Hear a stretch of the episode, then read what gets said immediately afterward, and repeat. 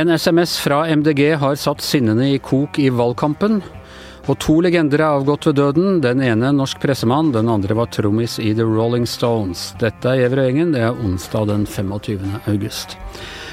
Ja, uh, Hans Petter Sjøli. Uh, jeg uh, mottok en SMS på telefonen i går, hvor fra et nummer jeg ikke kjente, eller det sto vel faktisk fra MDG, og så står det bare 'Hei, vil du også løse klimakrisa og gi Norge ny regjering? Din stemme avgjør, bruk den i dag'.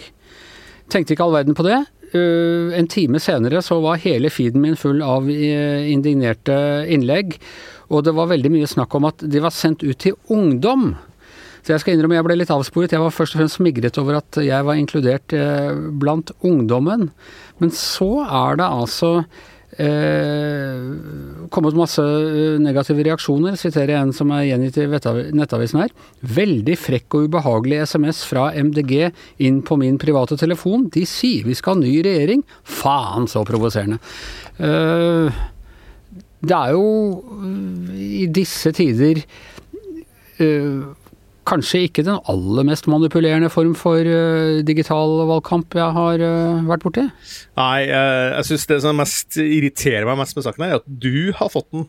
Som jo sannelig nærmer deg rundt 60 år. Ja, jeg, jeg, har jo, jeg, er jo mye yngre enn deg og har ikke fått den. Så det her Nei, men det, er, det går bare altså. på Du er bare så gammel som du føler deg. Så hvis du hadde følt deg litt yngre, så hadde du fått den du òg. Uh, ja, uh, nei, altså hvorfor folk har blitt så forbanna Jeg føler jeg scrolla gjennom Twitter, og der er jo folk stort sett forbanna uansett. Så det, der er det uh, skikkelig raseri, men også mye humor rundt det her, da. Det som har skjedd, er vel at MDG har sendt ut det som vel er et sekssifra antall uh, til, Altså til et sekssifra antall telefonkunder, den, den meldinga som du fikk, da. Uh, og ja, det, det, er jo spørsmålet er om det er frekt ubehagelig. Er, er det det, Anders? Altså, har vi ikke fått sånne før? Får vi ikke sånne fra Røde Kors? Får vi ikke sånne fra Amnesty og sånn hele tida? Altså, ja, det, det, slo meg, jeg begynte å tenke gjennom det. Jeg får ikke så veldig mye sånn, og det er på en måte noe av tingen. E-postinnboksen min er nesten ødelagt av spam og alt mulig rart, og øh, vakre damer og Donald Trump og, og, jeg vet ikke hva. Så der, der, sier jeg til folk at du må ikke sende meg mail hvis du skal få tak i meg, for det er en eneste stor øh, spam-fil, hele greia. Uh, tekstmeldinger er litt renere, så jeg kan kanskje forstå eller at man, man ønsker ikke at det skal pipe i tekstmeldinger hele tida med, med, reklame og, og, påtrengende spam.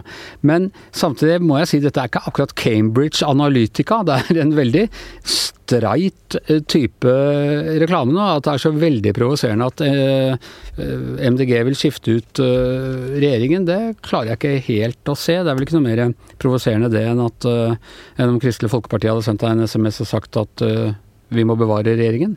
Nei, eh, jeg vet ikke. Kanskje noen føler at SMS er litt mer intimiderende eller mer personlig mer sånn enn en sosiale medier. Jeg vet ikke.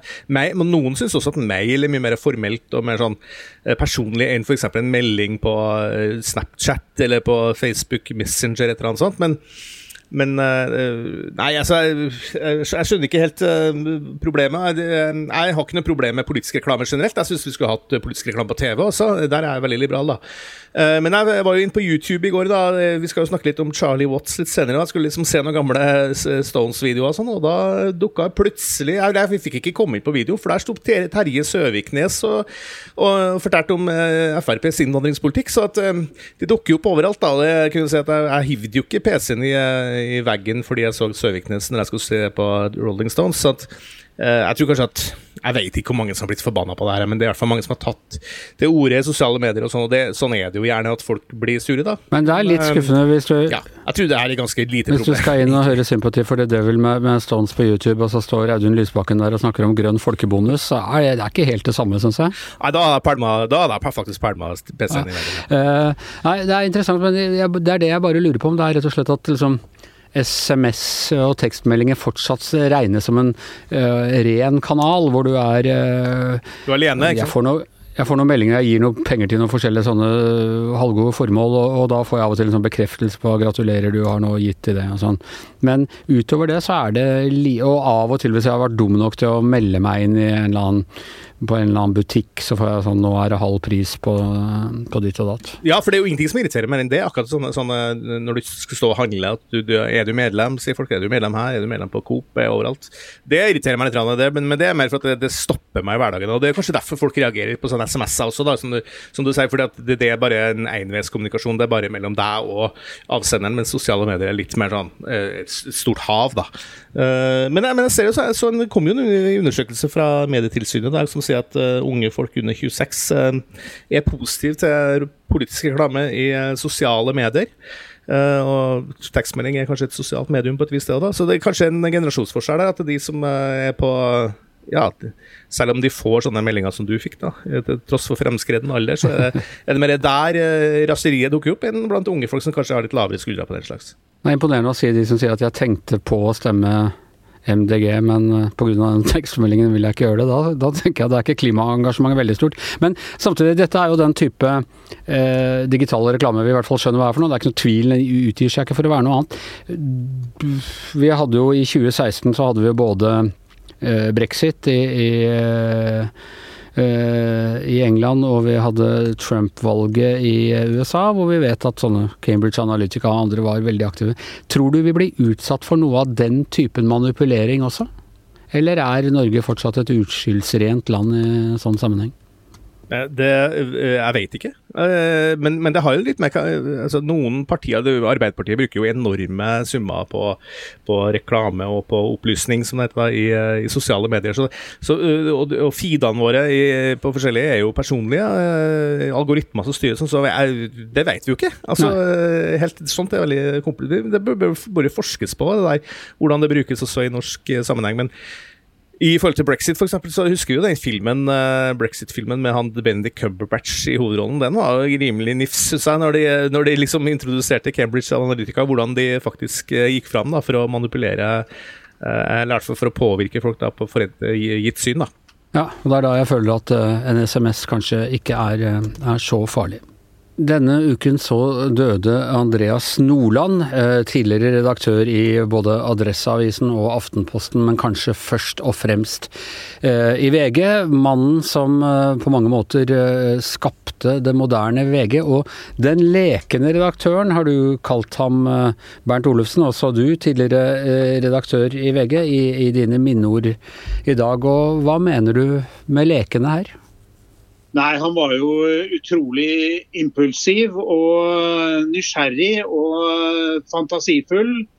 Og han eh, skapte jo en frihet i redaksjonen eh, rundt seg til å prøve ut ideer. og Han så liksom eh, alle. og Han var også bokstavelig talt lekende i den forstand at han eh, hadde holdt Uh, møter med sine vaktsjefer før jul, hvor uh, han inviterte til uh, klipp og lim av julepynt. og Han håndgraverte deltakermedaljer når han sluttet i Adresseavisen til sine nærmeste medarbeidere.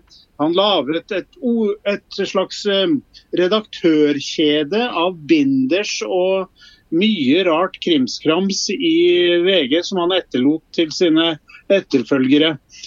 Uh, han var en idésprøyte, rett og slett. Og impulsiv i den forstand at han kunne nærmest ansette folk som han traff i heisen. Ja, Spontan ansettelse av folk, uh, har du eksempler på det? Du, han, skulle, han, skrev jo boka 'Finansministeren er myrdet', og da var Tor Strand journalistvikar på reportasjeavdelingen i VG. Ja. Og eh, Da han skulle lansere sin kriminalroman, så eh, delte han ut signerte eksemplarer. da. Og Da spurte han Tor eh, hva vil du jeg skal skrive? Og Da svarte Tor skriv eh, følgende. Jeg lover å gi Tor Strand fast ansettelse i Verdens Gang. Det gjorde Andreas.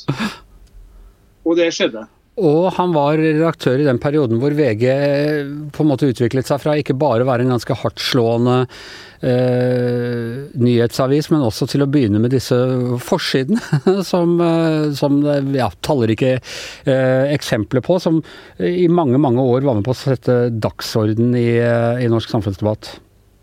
Ja, han eh, var jo omgitt av redaktører og syv øh, vaktsjefer på VG-desken som han delegerte ansvar til nærmest uh, uforstyrret uh, av hans uh, egen tilstedeværelse. Og, men han ryddet alltid opp når det ble begått feil, og han var jo en, en veldig anstendig redaktør som ikke vek unna for å unnskylde oss eller gi en beklagelse når det var begått uh, urett overfor uh, mennesker. Og så var det jo litt mens, mens VG eh, var en folkelig, ganske hardtslående uh, avis. Han tilhørte jo på mange måter en litt annen pressetradisjon. Han var liksom den klassiske dresskledde, sigarrøykende borgerlige redaktøren. Han var en, en naturlig konservativ eh, person eh, av eh, legning, men med et stort sosialt og sosialpolitisk engasjement. Aldri en person som red noen partiagenda. Noe som skulle vise seg da han flyttet fra Egil Sundar i Aftenposten og over til det uavhengige VG.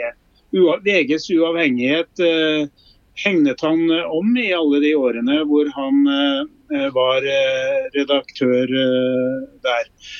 Hardtslående avis, ja, men det gikk klare grenser for Andreas Nordland i hvor langt og tabloid avisen skulle gå.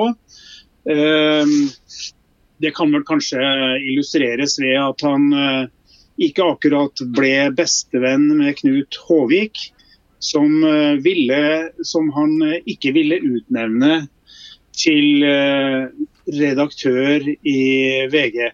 Det førte til at Knut Håvik tok sin hatt og gikk. Og startet Se og Hør og startet Se og Hør. Så slik sett kan man si at han faktisk var en fødselshjelper til eh, Se og Hør i Norge. Rent personlig, Bernt, dette var mannen som i sin tid uh, tok deg inn i pressen, og som uh, ga deg muligheter for en karriere som gjorde at, at du til slutt endte som, som sjefredaktør i VG? ja, illustrerende nok så plukket han meg opp fra det jeg vil kalle ingensteds i Trondheim og ga meg en ansettelse i Adresseavisen, som senere førte meg til Oslo som politisk journalist og til VG-desken og til ulike redaktøroppgaver eh, i mm, VG. Og til slutt, eh, mot slutten av hans karriere, så var dere en slags konkurrenter, for du var nyhetsredaktør og etter hvert redaktør i VG, og han var sjefredaktør i Aftenposten. Hvordan opplevde du det? Nei, Han eh, kom jo tilbake til Aftenposten etter eh, et mislykket forsøk på å drive en eh, ny Oslo-avis som varte i bare litt over et år. Og i Aftenposten så, så bidro, han, bidro, han, jo til en modernisering av Aftenposten, vil jeg si. I hvert fall begynnelsen av en slik prosess. og der gjorde han eh, på mange måter eh, det samme som i VG. Han ga fullmakter og støttet idéskapning. Men han var også kontroversiell, fordi han var jo ikke et stort organisatorisk eh, talent, snarere kanskje en kreativ kaospilot. Da Aftenposten skulle ommøblere sine redaksjonslokaler, så eh, gikk han eh, til det skritt å flytte kontoret sitt ned på gateplan. Eh, der det tidligere var utstillingslokale for Aftenpostens avis, som man kunne se inn fra gaten. Ja, og man må nesten ha, vært i Aftenposten for å skjønne at bare det at liksom sjefredaktøren satt der og du faktisk kunne se ham, det var, det var en, en, spesiell ting den gangen. Absolutt.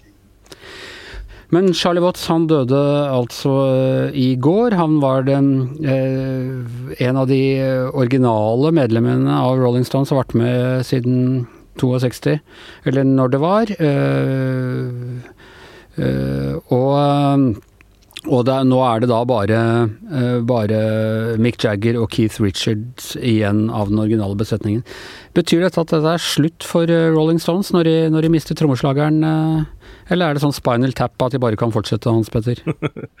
ja, nei, jeg vet ikke. Det var jo, for det første var det en veldig trist melding.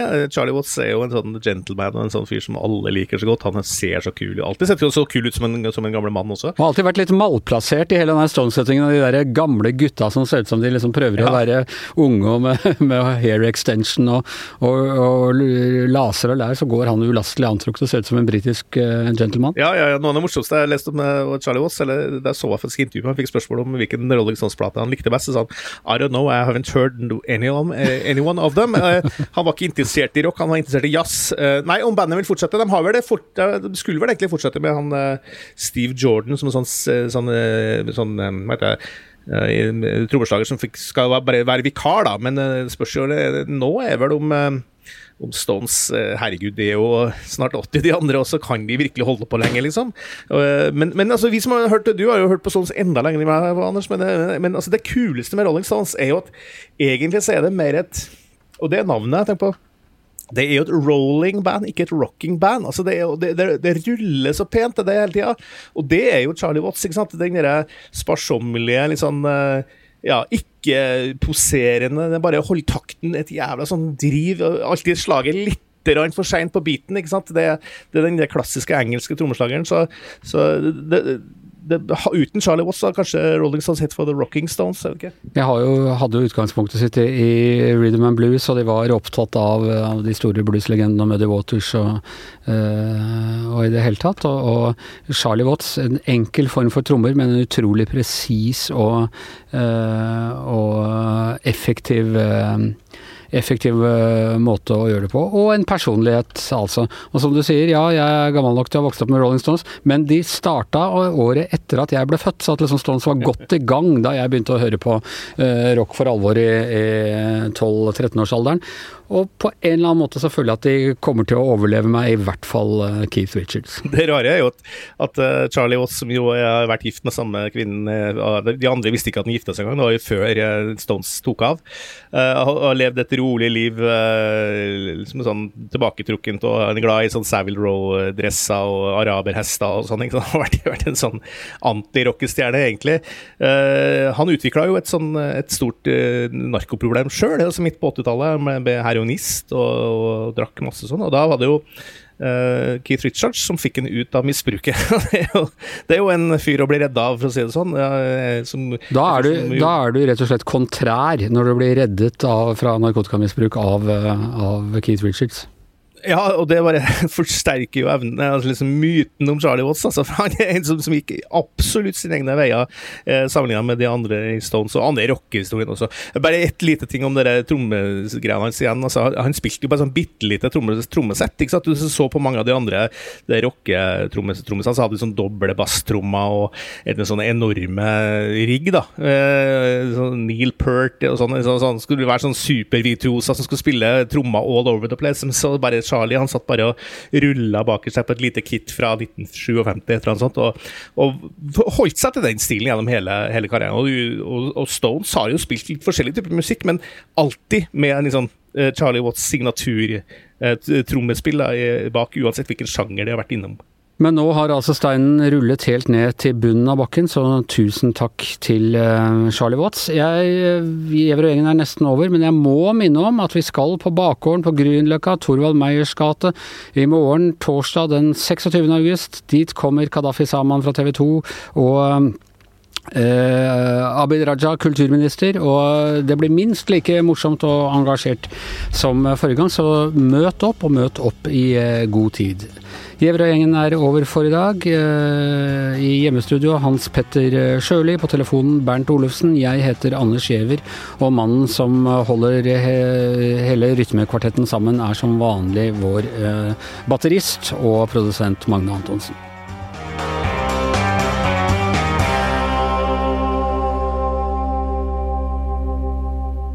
Du har hørt en podkast fra VG.